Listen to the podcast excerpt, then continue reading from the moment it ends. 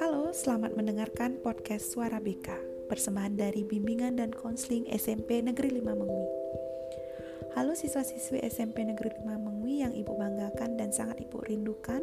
Kembali lagi dengan suara Ibu Komang Pratnyani Mariadi di sini. Menyapa kalian melalui podcast Bimbingan dan Konseling yang kali ini diberi nama Suara BK, persembahan dari Bimbingan dan Konseling SMP Negeri 5 Mengwi. Sayangnya kita tidak dapat melakukan pembelajaran tatap muka secara langsung, maka salah satu layanan BK dilaksanakan melalui podcast, alias suara saja tidak menggunakan video atau media lain. Karena untuk memudahkan kalian dan menghemat kuota kalian. Ini merupakan salah satu upaya dari kami selaku guru bimbingan dan konseling untuk menyapa atau memberikan pembelajaran atau layanan kepada kalian.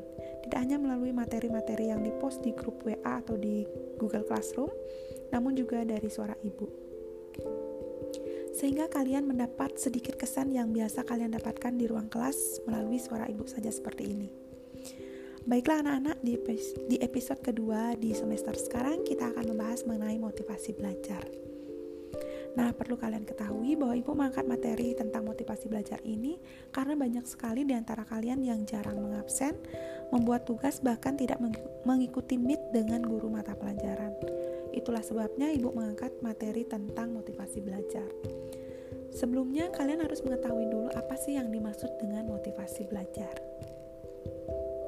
Jadi, motivasi belajar adalah hasrat yang timbul dari dalam dan atau dari luar diri yang terbentuk dalam dimensi perilaku, pemikiran, dan emosi untuk melakukan kegiatan belajar, serta dapat menjamin kelangsungan kegiatan belajar, sehingga tujuan yang dikehendaki responden belajar itu dapat tercapai. Sekarang kalian sudah mengetahui pengertian motivasi belajar. Kita lanjut tentang faktor-faktor apa saja sih yang mendukung maupun menghambat motivasi belajar kalian. Yang pertama yaitu faktor intrinsik terdiri dari minat, cita-cita, dan kondisi siswa. Kemudian faktor ekstrinsik itu ada lingkungan keluarga, seperti latar belakang pendidikan keluarga, keperekonomian keluarga, dan sistem sosial dalam keluarga. Kemudian ada lingkungan sekolah. Lingkungan sekolah ini mencakup sarana dan prasarana di sekolah, kemudian guru, di mana guru ini sangat berperan dalam membangkitkan motivasi belajar siswa. Kemudian manajemen sekolah yang berpengaruh dalam meningkatkan motivasi belajar siswa juga. Lanjut, lingkungan masyarakat merupakan tempat seorang anak melakukan interaksi setelah pulang sekolah di dalam masyarakat Setelah kalian mengetahui faktor-faktor yang menyebabkan tinggi ranahnya motivasi belajar, sekarang kalian harus tahu juga bagaimana cara untuk meningkatkan motivasi belajar. Setelah mengidentifikasi tingkat motivasi belajar, kamu sekarang mengetahui motivasimu dan masuk ke dalam klasifikasi yang mana. Jika masuk dalam kategori tinggi, maka kamu perlu mempertahankan motivasimu itu. Tapi jika kamu masuk ke dalam klasifikasi sedang dan rendah, maka kamu perlu berupaya meningkatkan motivasi belajarmu. Nah, berikut ini beberapa cara yang dapat kamu lakukan untuk meningkatkan motivasimu dalam belajar.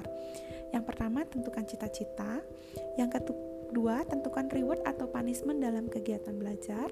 Yang ketiga, tentukan kemampuan dalam belajar. Yang keempat, siapkan kondisi fisik yang prima. Yang kelima, siapkan kondisi mental dalam keadaan bahagia dan bersemangat. Yang keenam, siapkan lingkungan belajar yang nyaman. Dan yang ketujuh, minta bantuan orang tua atau diskusi dengan teman. Dari cara-cara yang telah diuraikan di atas dapat disimpulkan bahwa untuk meningkatkan motivasi belajar, kamu perlu merencanakan tujuan belajar, menyiapkan diri secara baik sebelum belajar, kemudian menghindari gangguan kegiatan belajar dan banyak mencari pengalaman positif dari orang lain. Nah, selanjutnya bagaimana upaya untuk meningkatkan motivasi belajar siswa? Perlu kalian ketahui siswa yang belajar tanpa motivasi atau kurang motivasi tidak akan berhasil dengan maksimal. Siswa akan tergolong untuk belajar apabila mereka memiliki motivasi yang baik untuk belajar. Adapun upaya dalam meningkatkan motivasi belajar siswa antara lain, pertama kuatnya kemampuan untuk berbuat, yang kedua kuat jumlah waktu yang disediakan untuk belajar, yang ketiga kerelaan meninggalkan kewajiban atau tugas yang lain, dan yang keempat ketekunan dalam mengerjakan tugas. Dari paparan materi yang Ibu sampaikan tadi, Ibu berharap kalian bisa memahami tentang motivasi belajar. Pada kesempatan ini, Ibu ingin memberikan kalian sebuah kata-kata bijak. Dengarkan baik-baik ya. No action, no change. Artinya tidak ada tindakan maka tidak akan ada perubahan. Jadi mau jadi apa kalian ke depannya itu tergantung bagaimana penyikapan hari ini. Lakukan sekarang dan jangan. Baiklah anak-anak, Ibu ingatkan kembali dalam pandemi ini kalian harus tetap mematuhi protokol kesehatan, yaitu memakai masker, mencuci tangan, dan menjaga jarak. Semoga kita semua selalu diberikan kesehatan. Oke, itu saja yang bisa Ibu sampaikan pada episode kali ini. Ibu mohon maaf apabila ada salah kata dalam penyampaian Ibu tadi. Dan Ibu akhiri dengan selamat siang, selamat beraktivitas, salam sehat untuk kita semua.